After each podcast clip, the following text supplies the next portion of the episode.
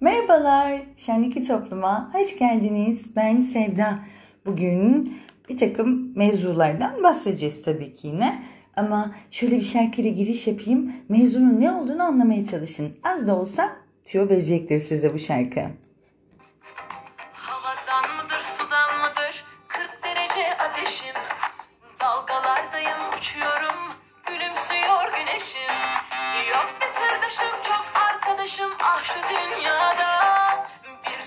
Damlasın içinde çocukluğum hala Layle le layle le layle layle layle Gezdim iklim iklim geldim sana Baştan çıktım bu nasıl coğrafya Ha ne diyor Burcu Güneş? Tanıyanlar vardır aranızda. Bir dönemin gerçekten popüler sanatçılarından bir tanesiydi Burcu Güneş. Burcu Güneş ne diyor? Gezdim iklim iklim geldim sana bu nasıl coğrafya? Ve gerçekten haklı. Şimdi Türkiye'ye baktığımız zaman hakikaten de böyle bu nasıl coğrafya yahu dedirtir insana. Sadece bizim için değil e, Türkiye'ye dışarıdan gelip gören ve sevdalanan çok insan var. Hakikaten muhteşem bir coğrafyada yaşıyoruz. Ama bu coğrafya ile ilgili de bir takım telkinler bizde hep böyle toplumsal olarak bir veri gibi işlenmiştir bizim sistemlerimize. Ve bugün gerçekten coğrafya kader midir yoksa değil midir onu tartışalım istiyorum. Şimdi gelelim bunu bir tartışma konusu yapan asıl düşünüre. İbn Haldun'u çoğumuz duymuşuzdur. İbn Haldun'a ait olduğu iddia edilen coğrafya kaderdir sözünü çoğumuz duyduk. Tartıştık. Gerçekten coğrafyanın üzerinde, üzerimizde etkisi var mı? Ve bu etki fazlaca mıdır? Bunların üzerine kafa patlattık değil mi? Ama burada önemli bir detaydan bahsetmek gerektiğini düşünüyorum. Çünkü bu söz hala tartışmalıdır. Birçok insan bunu paylaşıp tartışa dursun. Bazı araştırmacıların e, bir takım saptamaları var. Ve diyorlar ki biz 2000 sayfalık, takriben 2000 sayfalık mukaddimenin tek bir satırında dahi böyle bir sözün geçtiğini görmedik. Yani bu iddiadan öteye geçemez demektedirler. Ama Elbette okuyan birçok insan aslında İbn Haldun'un böyle bir sözü direkt söylemediğini fakat konunun özününde bu söze çıktığını ve anlamlı olabileceğini de savunmakta, iddia etmektedir. Şimdi biz bugün coğrafya ile ilgili bir giriş yapmışken ve coğrafya gerçekten kader midir? İnsanın kaderini coğrafya etkileyebilir mi? Bunu bir kendi kafamızda özet geçmeye çalışacağız. Ama bunu yaparken Türkiye'nin coğrafyasından bahsetmemek birazcık ayıp olmaz mı? Bahsedelim o zaman. Türkiye 26-45 doğu meridyenleri 36-42 kuzey paralelleri arasında yer alır. Muhteşem bir konumdur.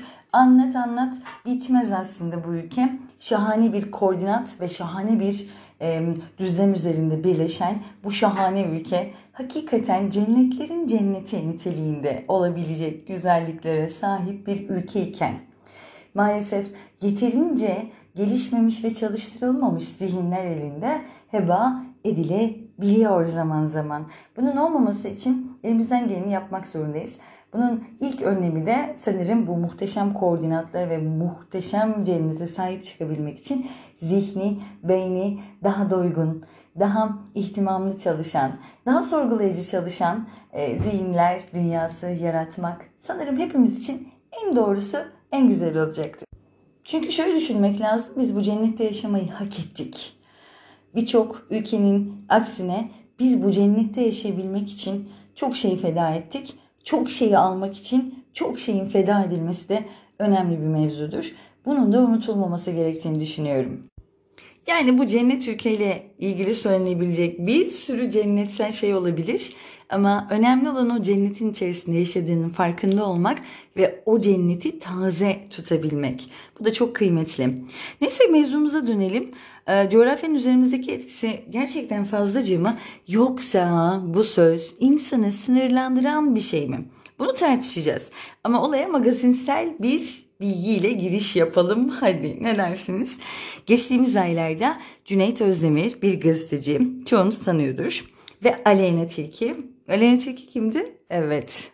Birçok gazeteciden, gazeteciden daha fazla tanınan Aleyna Tilki bir pop sanatçısı diyebiliriz sanırım değil mi?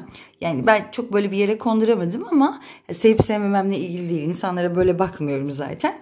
Ama e, sanırım öyle demek en uygunum. Pop sanatçısı ya da işte sanatçı değil pop şarkıcısı ya da başka şeyler. Hiç önemli değil.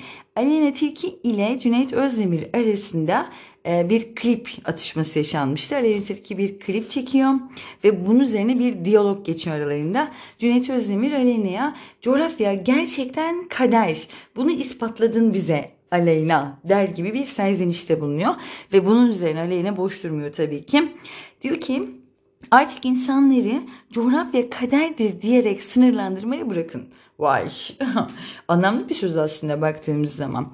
Yani bu bunun üzerinden değerlendirmek gerekirse burada Cüneyt Özdemir de haklı olabilir. Aleyna Tilki de haklı olabilir. Şimdi iki tarafında kendince bir haklılık payı vardır ya da bir yanılma payı vardır. Biz tamamen ortada durup iki tarafı da incelemeye çalışacağız. Bunun üzerine bir podcast istedim zaten ve magazinsel bir başlıkla da girmek istedim. Çünkü cuk oturdu. Gerçekten anlatmak istediklerime cuk oturdu diyebilirim. Tabii tüm bunların Twitter üzerinden yani uluslararası gıybet ve gömü işleri merkezinden yapıldığında vurgulanmasına gerek yoktur sanırım değil mi? Artık gazeteciler de hatta politikacılar, siyasetçiler, devlet adamları da, devlet kadınları da e, aynı sistem üzerinden yargılamalarını yapıyorlar, asıyorlar, kesiyorlar. E, bütün bunlar Twitter üzerinden maalesef artık uzmanlık kazanmış kişiler tarafından da yapılabilmekte. Ha bu arada tabii magazini bile hop oturtup hop kaldıran bu sözün destekleyicisi nitelikte olan bir ünlü söylemi de şudur ki bence bunu çoğumuz biliyoruz. Neydi o?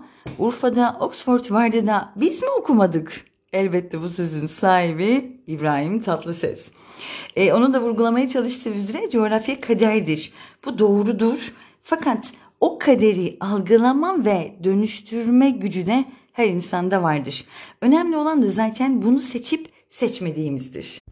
Peki bu sizin bu kadar yayılmasına sebep olduğunu düşündüğümüz İbn Haldun az önce belirttim tartışmalar var bunun üzerine ama özünde zaten mukaddime içerisinde geçen bilgilerin de coğrafyaya bir atıf ve yoğun bir atıf olduğu için bunun üzerine İbn Haldun diyerek e, tartışmanın bir mahsuru yok. O yüzden şimdi bir düşünelim İbn Haldun bu sözde ne demek istemiştir? Bence diyor ki nerede doğarsan oranın kirine, çer çöpüne batarsın. Oranın suyuyla yıkanır, oranın güneşiyle kavrulursun. Oranın iklimi biçimlendirir geleceğini demek istemekte. Bu çok kıymetli bir şey. Bakın burada aklıma yine bir şey geldi. Suyla ilgili bir araştırma yapılıyor. Ee, sanırım Tibet'in bir köyünde bir e, halk yaşıyor.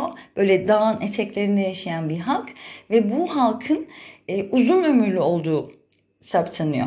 Ve bilim insanları bu tarafa doğru gidip diyorlar ki biz bir araştırma yapalım. Acaba bu insanlar neden bu kadar uzun yaşıyorlar? Bunun sebebi nedir? Bir öğrenelim. En azından bir atılım yapalım bunu öğrenmekle ilgili diyorlar. Ve yardırıyorlar Tibet'in dağlarına. Orada da 6 yıla kadın 6 e, yıla yakın kalıyorlar. 6 e, yıla yakın kaldıktan sonra ve diyorlar ki burada evet muhteşem bir şey bulduk biz. Ne o buldukları biliyor musunuz? Su. Suyun gücü, suyun mucizesi artık adına ne derseniz değil. Bu köyde e, içilen su dağın yamaçlarından ve hiç insan eli değmeden hiçbir şekilde doğal ortamı bozulmayan alanlardan geçerek köye ulaştığı için bu yerleşkeye ulaştığı için bu muhteşem su bu muhteşemliğiyle insanlar üzerinde mucize bir atılım yaratmaya sebep oluyor. O atılımda onların daha sağlıklı ve daha uzun ömürlü olmalarını sağlıyor. Bu harika bir bilgi değil mi? Al bu bilgiyi nerede kullanırsan kullan. Yani bizi yediğimiz, içtiğimiz her şey etkiliyor. Evet. Ama bunların hangi ortamlarda, hangi şartlarda hazırlandığı, hangi şartlarda bize geldiği, bize ulaştığı da çok kıymetli. İşte bu su o kadar el değmemiş, o kadar natürel alanlardan kendisinin e, bulduğu yollarla o alana, o yerleşkeye geliyor ki işte o suda muhteşem bir e, sağlık aracı olarak o bölgenin insanına da sağlık kazandırıyor. Bu harika bir bilgi. E, aslında İbn Haldun'un da söylemeye çalıştığı şey bu. Yani nerenin suyunu içerseniz o suya benzersiniz. Su gibi olmak derler ya. Çok anlamlı bir sözcüktür aslında. Bu çok böyle üzerine kafa yormamız gereken bir şeydir. Neden derseniz çünkü su gibi olmakla bizim düşüncemize gelmesi gereken ilk şeyin şu olduğunu düşünüyorum ben de. Su gibi olmak çok çok çok çok çok güzel, çok çok çok çok önemli bir söz. Neden böyle diyorum? İlk aklımıza gelenin bu olmasını istediğimi söyledim ya az önce. O da şu. Su kaya gördüğü zaman, bir kaya ile karşılaştığı zaman e, kayayı delmeye çalışmaz. Eğer delmek isteyip delebiliyorsa tamam bunun için uğraş verebilir ama eğer delemeyeceği bir kaya ise onun etrafından dolanmayı dener. İnsan hayatına uyarladığınızda da muhteşem bir öğreti olarak karşımıza çıkar bu. Biz hayatla ilgili zorluklarla karşılaştığımızda ne yapıyoruz? Ya o kayayı deli gibi delmeye çalışıyoruz ki bunu artık şu kişisel gelişim ve benzeri Instagram'da da sürekli karşıma çıkıyor. İşte vazgeçme, vazgeçme, vazgeçme, del o kayayı. Bunlar içi boş söylemler. Çünkü kaya delinmesi gerekiyorsa e, ve kaya buna olanak sağlıyorsa ve de sen su olarak bu olanaklar içerisinde eğer uyumlu bir şekilde kayaya delebileceğini düşünürsen eyvallah tamam. Ama yok sen su olduğunun farkında değilsen, kaya da kaya olduğunu bilmiyorsa ya da tam tersi işte o zaman işimiz zor. Ne yapmamız lazım? Sudan bir takım dersler, bir takım öğretileri artık hayatımıza sokmamız lazım. Eğer karşında bir kaya varsa onun etrafından dolanmayı denebilirsin. Yani bir takım zorluklar karşısında biz çok fazla e, o zorluğun üzerine giderek o zorluğu at edebileceğimizi düşünüyoruz ama bu bazen yanılgı ve hüsran olabiliyor insan hayatı için. Oysa ki kayanın etrafından dolanan su gibi olmak da var ya işte bu çok kıymetli. Hani derler ya büyükler su gibi ol azizim ya da su gibi aziz ol. Değil mi? Doğrusu buydu yani o nereden çıktı. Ama benimki de güzelmiş ya su gibi ol azizim de diyebiliriz değil mi? Sıkıntı yok bence. Su gibi ol. Su gibi aziz ol. Aziz e, atfı da çok güzeldir. Gerçekten azizdir. Sudan öğreneceğimiz çok şey vardır. Ben şimdi e, bir tatil e, kasabasında e, bulunuyorum ve bakıyorum dalgalara. Dalgalar okyanustan ayrı değil. Okyanusa aitler. E, okyanus da dalgadan ayrı değil. Aslında baktığımız zaman bir bütün içerisinde yaşıyoruz ve hiçbir şey birbirinden ayrı değil. E, suyu da, sudaki öğretiyle insan üzerindeki öğreti de birbirinden farklı değil. O nedenle oradan da kapacağımız, oradan da öğreneceğimiz çok şey var. Gerçekten bunlar da önemli öğretiler olarak hayatımıza eğer ki sokup bunları davranışsal olarak uygulayabiliyorsak çok daha mantıklı olacaktır. Hep dediğim gibi biz çok fazla bilgiye sahibiz. Bilginin hammallığını yapar durumdayız ama hamallıktan kurtarıp kendimizi bilginin gerçekten erdemli tarafını hayatımıza uygulayabilir olmamız çok daha kıymetli olacaktır. Hem bizim için hem başkaları için. Çünkü insan kendine dönük yatırım yaptığında otomatikman zaten etrafındaki insanların, insanların da bu yatırımdan etkilenmesi mümkün olabilmektedir. Bazen çok hızlı konuşuyorum farkındayım. Affola böyle kelimeleri yutuyorum falan ama hiçbirini kesmek bölmek istemiyorum. Hep söylüyorum ya bunu bir saygısızlık olarak da atfetmeyin ne olur. Burada açıp konuşmak e, bana çok daha doğal geliyor. Çünkü normal şartlarda da insanlar birbirleriyle konuşurken böyle şeyler yapabilirler. Yani eğer bir televizyon programına katılmıyorsanız ki orada da doğallığın ben her zaman çok daha böyle sempatik ve neşeli durduğunu savunanlardanım. Hayatın içerisinde bırakalım da bazen bazı hataları yapalım. Bunu da söylüyorum özellikle çünkü e, olabiliyor. Yani ben de fark ediyorum. Aa, orada falan böyle gerilmek istemiyorum bununla ilgili. Olabildiği kadar olsun, aksın gitsin. Hayatta öyle değil mi zaten? Her zaman istediğimiz gibi sürdüremiyoruz hayatı. Çünkü hayatında başka planları var. Eylemsel olarak bizden daha zeki olduğu atakları var. Bazen bizim daha zeki olduğumuz ataklarımız var. E bunlar işte böyle çapraz ateş, ateş içerisinde bırakmadan bizi daha böyle su kıvamında hani o kayanın etrafından dolanan su var ya onun kıvamında olsa çok daha çok daha güzel olacak. Biz öğretilen öğretilerin çok daha dışında. Bu arada yanında, yanımda kedim var Lumi ve her yeri karıştırıyor. Aradan böyle arkalardan değişik sesler geliyorsa o kendince bir şeyler yapmaya çalışıyor. Onunla ilgili de lütfen e, bağışlayın. Yani o arkadan gelen çıt çıt çıt çıt sesleri nedir derseniz bir kedi var. O da ha, şahane bir şey. Oyun oynuyor şu an. Onun oyunun, oyunda bozmadan devam etmek istiyorum müsaadenizle. Ay, araya çok çok şey sokuyorum evet. Ama şimdi İbn Haldun'dan bahsettik. Peki İbn Haldun kimdir? İbn Haldun tarihçidir. İbn Haldun sosyologtur, filozoftur, siyasetçidir. İbn Haldun devlet adamıdır ve 1332 ile 1406 yılları arasında yaşamıştır. Farklı medeniyetlerle bir arada yaşamaya olumlu yaklaşan İslam medeniyetini yetiştirdiği bir öncü alim olarak İbn Haldun, küreselleşen dünyada çok medeniyetli bir dünya düzeninin kuramsal zeminini oluşturma konusunda çaba harcayanlara sağlam bir teorik zeminde sunmaktadır günümüzde halen. Bu çok önemli. E, çünkü dünya düzeninde bir zemin oluşturuyorsun. Bu zeminde İbn Haldun'un çok büyük etkisi var ve çok medeniyetli bir dünya düzeninin de bu anlamda İbn Haldun tarafından ta o dönemlerden desteklenmiş olması çok çok önemli bir bilgi. Hayatının ilk 20 yılını Tunus'ta, 26 yılını Cezayir, Fas ve Endülüs'te, 4 yılını yine Tunus'ta, son 24 yılını da Kahire'de geçiren İbn Haldun iyi bir eğitim görmüş. Küçük yaştan itibaren ilim ve fikir hayatına ilgi duymuş. Aynı zamanda bir siyasetçi olarak Merini, Hafsi ve Abdülvadi hanedanlarının yönetiminde bazen sultan ve emirler kadar etkili olmuştur. Diğer taraftan sık sık kabileler arasında dolaşarak Bedevi kabile hayatını yakından tanımış, fırsat buldukça da ilim ve öğretimle meşgul olmuştur. Ve onun en ünlü eseri duymuşsunuzdur mutlaka mukaddime. İşte mukaddimesini de böyle bir bilgi ve deney birikimiyle kaleme almıştır. Yani halkın arasındadır. Asla halktan kopuk olmamıştır ve o eğitimi de halkın içerisinde sürdürmeye devam etmiştir. Gözlem yeteneği çok gelişmiş ve bu gözlem üzerine de düşünce, bunun üzerine düşünüp o düşünceler üzerinden yeni düşünceler yaratma becerisi de İbn Haldun'da oldukça gelişmiştir. Ve bugünün bıraktığı çok anlamlı sözler de vardır İbn Haldun'un. Onlardan bir tanesini zaten tartışma başlığı olarak açtık. Coğrafya kaderdir.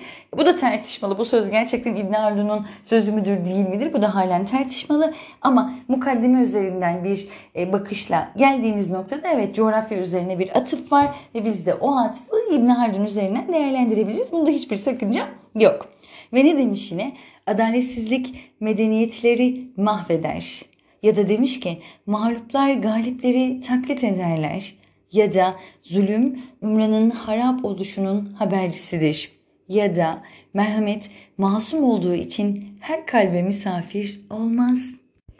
Ve benim gerçekten çok anlamlı bulduğum, çok ama çok anlamlı bulduğum son sözüyle burayı bitirelim. Kıtlık zamanlarında insanları açlık değil, alışmış oldukları tokluk öldürür. Ne muhteşem bir söz. Ya bunun üzerine de podcast çekilir. Gerçekten bir bölüm hatta bunun üzerine ayırabilirim. Neden olmasın değil mi? Muhteşem bir söz. İnsanları alışmış oldukları tokluk öldürür diyor. Açlık değil. Gerçekten günümüz dünyasına baktığımız zaman da insanların alışmış olduğu o tokluk bir nevi intihar gibi bir şey. O tokluk, o çokluk ve o tokluk ikisi bir arada gerçekten insan yani şöyle düşünün. E, eskiden biri bu kadar fazla yemek yese, cipsleri, işte kolaları, onları bunları abur cuburları gömüyor olsa ve siz onu görseniz yani bundan çok uzağa gitmeyelim 200 yıl önce ne yapardınız? Derdiniz ki bu adam intihar ediyor olmalı. Yani kendini öldürüyor. Değil mi? Aynı şey sadece e, formu değişti ve kabullenilir hale geldi.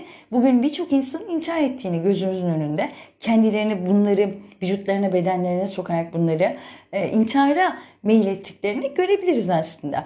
Biz de aynı hataları yapıyoruz. Ama ne kadar az o kadar iyidir. Gerçekten az beslenmeyle de ilgili bir podcast gelsin. Aa bu harika gerçekten yani az yemek yeme heyecanlandım böyle ellerimi bir yerlere vurmaya başladım sesi duymuşsunuzdur. Ee, gerçekten bu açlıkla ilgili bir podcast gelmeli bence yani uzun süre açlığın insan hayatında çok büyük değişimler yarattığını çok olumlu anlamda büyük değişimlere sebep olabildiğini de buradan ben bir podcast'e aktarayım harika. Konudan konuya atlıyorum ama podcast içinde podcast konusu buluyorum. Bu da güzel oldu. Hani demiştim ya başlarken E, biz iki tarafı da değerlendirmeye çalışacağız. Yani bir Aleyna olacağız, bir Cüneyt olacağız diye. E, şimdi Aleyna tarafından birini okumak isterim. E, o da çok çok önemli bulduğum Profesör Doktor Teoman Duralı. E, bu ülkede felsefe ve bilimin en yetkin isimlerinden birisidir kendisi.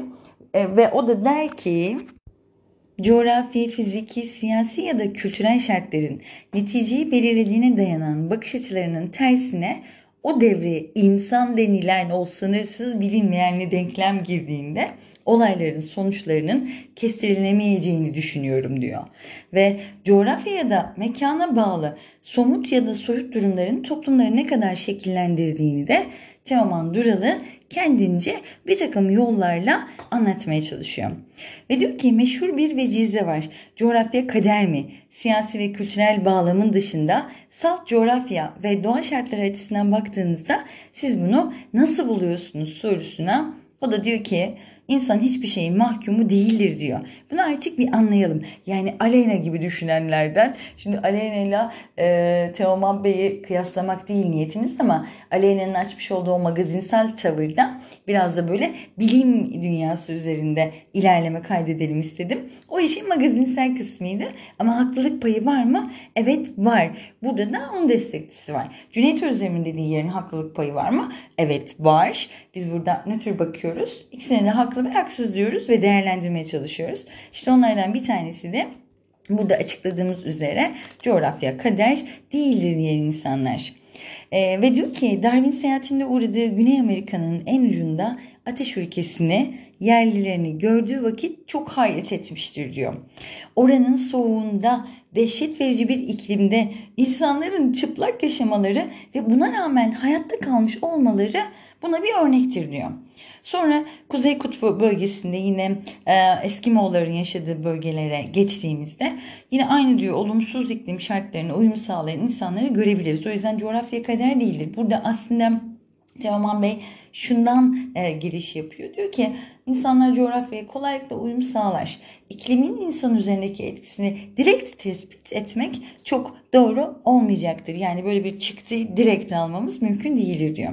Ve diyor e, ki yine Teoman Bey diğer canlıların aksine insan doğaya mahkum değil. Ne iklim ne de coğrafya. Benzer coğrafya şartlarında yaşayan insanlar birbirlerini andıran tepkiler göstermiyorlar. Yani aynı coğrafi şartlar var ama aynı tepkileri alamıyoruz. İngilizler öteden beri adada yaşarken mesela açık denizlere açılıyorlar. Fakat yine bir ada devleti olan Japonlar açık denizlere çok açılmaya ihtiyacı duymamışlardır diyor.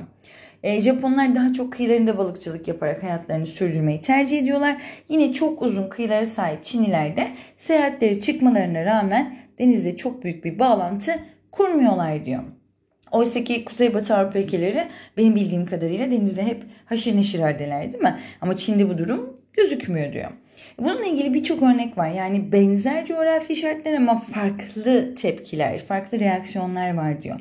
Bu da aslında bu birlikte e, ve farklı farklı tepkilerin oluşturduğu değişik ambiyanslar. Bunlar da önemli, kıymetli bilgiler. E, yeryüzünde kıyısı olan pek çok toplum olmasına rağmen diyor, e, hepsi aynı tepkiyi göstermediler. Buradan da kuvvetle muhtemel coğrafya insan üzerinde çok şiddetli bir etkiye sahip değildir. İnsan bunun ötesinde bir şeydir diyor. Yani burada aslında Teoman Bey şunu demek istemiyor. Coğrafya kadar değildir. Ya coğrafyanın hiçbir etkisi yoktur demek istemiyor. Ee, hiçbir etkisi yok değil tabii ki. Ee, ama bir etki varsa da bu şu an bize bu söz üzerinden aktarıldığı kadar yoğun ve baskın bir etki değil. En azından buna inanmamamız gerekiyor. Çünkü buna inandığımız zaman sınırlandırılmış bir düşünceyle ve bu bağımlılıkla hareket etmek zorunda kalıyoruz. Hiçbir insanın bunu yaşamasına ne gerek vardır ne de bunun dayatılmasına izin verilmesi gerekmektedir demek istemekte hocamız. Ve coğrafya kaderdir sözünü Aristoteles'te de gördüm ben. Herodot'ta da gördüm ben. O yüzden bu e, yoğun olarak kullanılan bir sözdür ve her zaman tartışmaya da son derece açık olarak devam etmektedir. Şimdi ben kendi kafamda canlı olarak yaşadığım ve size aktarmak istediğim örnekle devam ediyorum. Ben Finlandiya'ya gittim bundan 5 e, sene önce. Finlandiya, Kuzey Avrupa'nın birçok yerine e, gitme şansım oldu. Şimdi orada benim gördüğüm şuydu. İnsanlar etraflarına bakıyorlar. E, bir, bir savaştan çıkıyor onlar da ve bu savaş ve zulüm içerisinde, bu sömürü içerisinde e, tutunabilecekleri tek şeyin ormanlar olduklarını görüyor. Ve ormanlar onların ellerinden, onlar da ormanların ellerinden tutarak bugünkü Finlandiya oluyorlar. Bilirsiniz Finlandiya dünyadaki en iyi eğitim sistemi olarak anılır. Ve bu eğitim sistemini de Beyaz Zambaklar ülkesinde şahane bir kitaptır. Çok iyi anlatır bunu. Nasıl yaptıklarını, hangi zor şartlarda, hangi mücadelelerle hani o su gibi olmak, o ormanların etrafına sararak su gibi aziz hale getirebilmek o ormanları çok kıymetli bir mücadele e, barındırır içinde. Beyaz Zambaklar ülkesinde mutlaka okuyun. Atatürk'te bunun müfredata girmesi gerektiği ve bu kitabın mutlaka ama mutlaka her genç tarafından, her birey tarafından okunması gerektiğini söylemiştir. Çok kıymetlidir gerçekten. Bakmanız önemli. Rica ederim. Ben gezip oraları görmüş ve gerçekten oranın havasını solmuş ve insanların yüzlerine bakıp bu insanlar nasıl yapmış acaba bunu deyip sorgulayıp bir de etraftaki ormanlara baktığımda şunu gördüm. Gerçekten coğrafya kaderdir. Çünkü Finlandiya'nın elinde tutabileceği bir şey yok. Şimdi buradan baktığımızda evet coğrafya kaderdir diyoruz. Tek tutabilecekleri, ellerini tek koyabilecekleri ve belki de onun üzerinde e, basamak yapıp çıkabilecekleri tek şey orman. Ama şimdi bu adamlar bu taraftan da yani Aleyna tarafından da coğrafya kaderdir ya oturalım totomuzun üzerine. Yapacak bir şey yok. Bir tek orman var yani onları da bu soğuk iklimde yakar yakar. Gibi Ağustos ayı da gittiğinde gerçekten soğuk. Turku özellikle soğuktu. Helsinki biraz daha iyiydi ama daha kuzeye gittikçe tabii ki buz gibi ve karlı havayla karşılaşmanız çok olasılıklı. Bu adamlar ormanları yakacak olarak kullanabilirlerdi ama bunu yapmadılar. Ormanların içine okullar dizayn ettiler ve bu okullar içerisinde de muhteşem eğitimler, muhteşem sistemler e, üretmeye başladılar. Bu sistemlerde e, sonrasında parlayan bir ışık gibi ülkenin üzerine doğmaya başladı. E, buna da önderlik eden, çok tüyo vermeyeceğim Beyaz Zambaklar ülkesini okuyun istiyorum. Yine bir öğretmendir. Köy köy, kasaba kasaba, kahvehane kahvehane gezmiş ve insanları uyandırmıştır. Geri gelmiş ayağında e, ayakkabı olmadan bu işi yapmış ama yapmış. İşte su gibi olmak, o kayanın etrafından e, kayayla savaşmak yerine dolanmak böyle bir şey olsa gerek. Mutlaka okuyun o kitabı. Finlandiya önemli bir ülke. Çünkü yoktan var edebilen ülkelerden bir tanesi. E, orada gitmenizi, görmenizi, o ormanların içerisindeki okulları gezmenizi, o muhteşem sistemi görmenizi çok isterim. Bununla ilgili de ayrıca detaylıca konuşabiliriz. Yine Japonya bununla ilgili güzel bir örnek. Çünkü Japonya'da maden derseniz yok. E, yeraltı kaynakları oldukça sınırlı. E, yüksek bir ülke yani dağlık arazisi var. Genç bir ülke yani tektonik volkanik depremlerin yoğun olarak yaşandığı bir ülke. E ne yapmış Japon? Ya bizde volkan patlıyor, bizde deprem oluyor çataçut. E, ondan sonra e, yeraltı kaynağımız da yok. E, tarım desen işte e, 3-5 arazi vardı onu da bombaladılar. E, biliyorsunuz atom bombası. E, Hiroşima önemli bir detaydır. E, hiçbir şey kalmadı zaten arazi diye bir şey kalmadı. Arazideki toprak, toprak bu anlamda verimsiz. E ne yapacağız? Oturalım. Aa, demediler işte ne yaptılar? Devam ettiler e, ve ellerindeki olan ve olmayanın yapılabilir ve yapılamayanın bir listesini çıkarttılar ve en yapılabilir bulduklarından başladılar. Ve bu bir tırmanma e, tahtası oldu. E, bir kere basamağım çıktığın zaman ikinci basamağa gözünü dikersin. Japonya'da da aynısı oldu. Coğrafya kader midir sorusuna tokat gibi bir cevap olabilecek Finlandiya ve Japonya örnekleri önemli örnekler. Tabii bunlar kişiler üzerinden de değerlendirilebilir. Orada da mesela benim aklıma kimler geliyor? Aziz Sancar. Gerçekten coğrafya kader değildir e, diyebilecek çok önemli bir örnek. E, Atatürk muhteşemdir. Yani Atatürk'ü çok özel anlatmak lazım. Çok çok çok önemli. E, kendi etrafımızdaki coğrafyaya baktığımızda e, alevler saçan bir coğrafyanın içerisinde laikliği hala sürdüren, cumhuriyetin güzelliğini yaşatan, adeta çölün ortasında açmış bir çiçek gibi, bir gül gibi duran ülkenin geçmişine baktığımızda Atatürk'ün yani bu bu telafi edilebilecek bir şey de değil. Bu bir bu bir nasıl denir bilmiyorum. Heyecanlanıyorum Atatürk deyince. Gerçekten çok sonsuz büyük bir sevgim ve saygım var. İyi ki benim atam, iyi ki bizim atamız. Çok kıymetli. O da çok önemli bir örnek. Çok çok önemli bir örnek. İlk, ilk örnek hatta e, tüm dünya ulusları için. Ama burada Finlandiya'da da Atatürk'ün hem heykelini görebilirsiniz hem Atatürk'e yoğun bir sevgi görebilirsiniz. E, Helsinki'de bir yer var böyle roman e, yazanların, gazetecilerin falan uğradığı daha böyle entelektüel dediğimiz insanların geldi. O kafede oturduğunuz zaman lütfen bir sorun. Türkiye, Türkiye deyince direkt Atatürk diyorlar. Atatürk inanılmaz seviyorlar. Hatta bazıları Türk olduğunu düşünüyor. Bu da enteresan bir bilgi. Ama çok uzuyor podcast. Bundan bahsetmeyeceğim. Sonra bahsederim umarım. Bununla ilgili de bir şey gelir. Gerçekten Türk olduklarına inanıyorlar. Aa Sevda neyse çık bu konudan artık. Ee, çok daha enteresan bir şey söyleyeceğim şimdi size. Rus yazarların çoğu baktığın zaman şunu gördüm. Ben okumayı çok seviyorum. Çok da e, okuyorum düzenli ve planlı bir şekilde. Yani boş zaman ayırmıyorum. Okumak kendi ederinde, kendi değerinde zaten zamanlı bir şey. Onun zamanı var. Boş zamanı olmaz. Onun kendine ait bir değeri, bir ederi var. Bu çok kıymetli bir şey. Orada da okumalarımda şununla karşılaştım.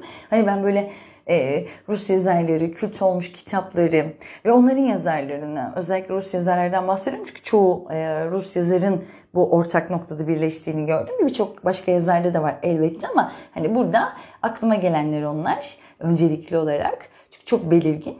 Birçoğu küçük kasabada doğmuş ve küçük kasabalarda büyümüş.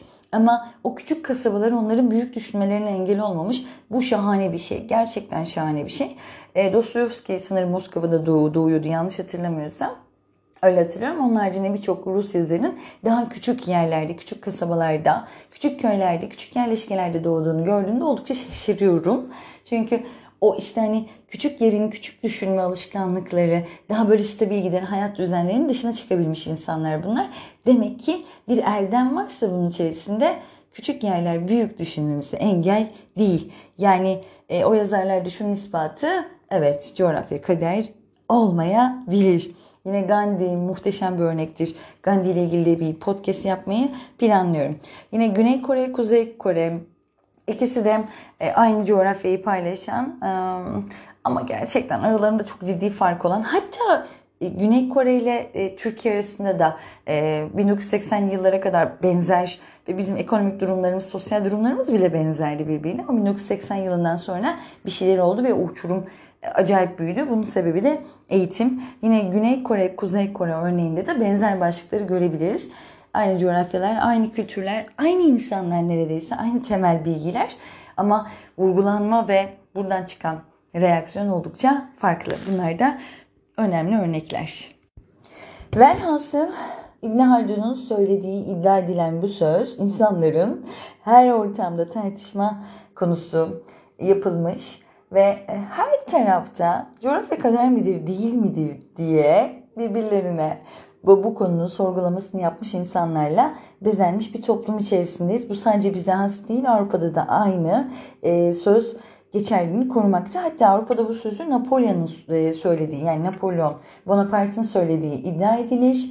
E, Türkiye'de mesela Tanpınar'ın, e, Ahmet Hamdi Tanpınar'ın yaşadığı e, bir neydi kitabının adı bir dakika. Ha yaşadığım gibi olması lazım. Evet yaşadığım gibi kitabında bu sözü kullandığı e, söylenmektedir. İlk olarak hatta e, Türkiye'de bu sözün o kitapta söylenip yaygınlaştığı bilinmektedir.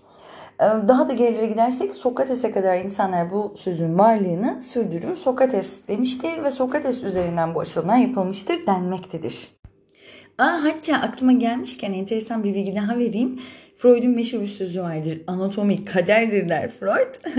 Ama bu sözü Napolyon'dan duyduğu ve coğrafya kaderdir sözünden böyle bir uyarladığı, böyle bir kendine doğru kaydırıp sözü anatomik bir yaklaşımla bunu söylediği den den vurulur. Bu da ekstra bir bilgi olsun.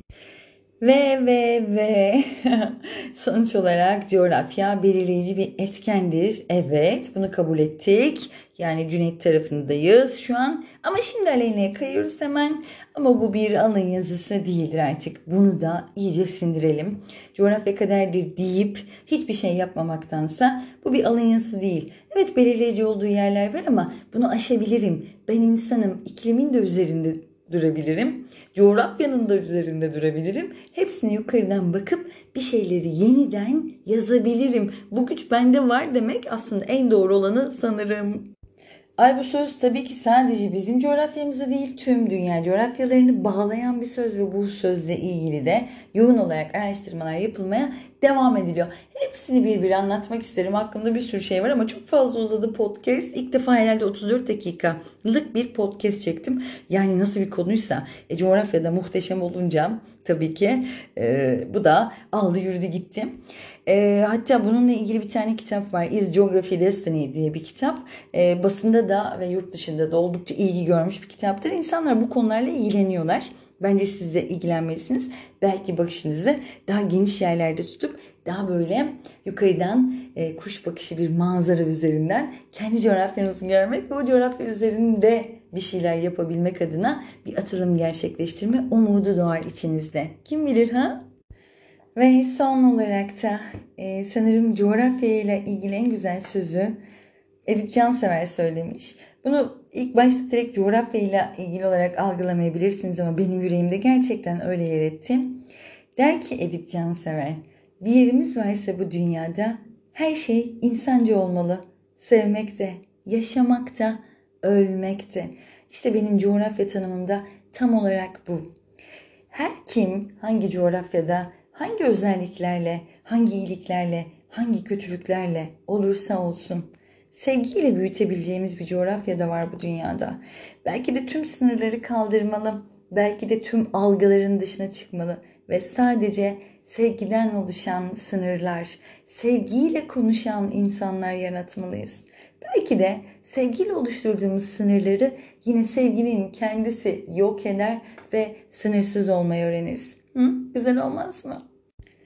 Ya güzel insanlar ve güzel coğrafyalar için bizim önce kendimizi güzelleştirmemiz gerekiyor. Biz bunları tercih edelim ama yapacağımız yatırımların en güzeli kendimize olan yatırım. Gerçekten öyle. Ve bu yatırımı en doğru şekilde yapmış. Bu muhteşem coğrafyayı bize emanet etmiş ve sevgiyle o sınırları çizmiş olan o yüce kalbinde gerçekten evladı olmaktan çok şanslı hissediyorum kendimi. Ben e, hoşçakalın demeden önce atama anmak istiyorum çünkü onun yaratmış olduğu bu güzellikler bizim bugün belki de çok değerlendirmeye fırsat bulamadığımız, çok değerlendirmeye yatkın zihinler oluşturamadığımız bu coğrafya içerisinde bizi üstse de bu değerler çok kıymetli değerler, çok önemli değerler ve bir gün istediğimiz şekilde, istediğimiz gibi sevgiyle sarmalanmış bir coğrafya içerisinde belki bütün dünyayla kucak olacağız. Çünkü yurtta suh, cihanda suh diyen bir atanın evlatlarıyız biz. Evet o zaman onu yad edelim.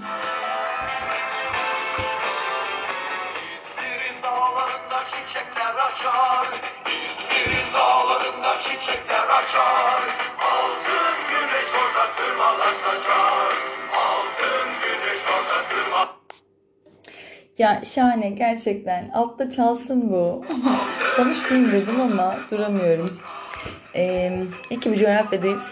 İki bu vatanın evlatlarıyız. Ve ben podcast burada sonlandırıyorum. Devam etmek isteyen olursa ben bir dakika kadar daha bunu çalacağım. Hoşçakalın. Kendinize iyi bakın.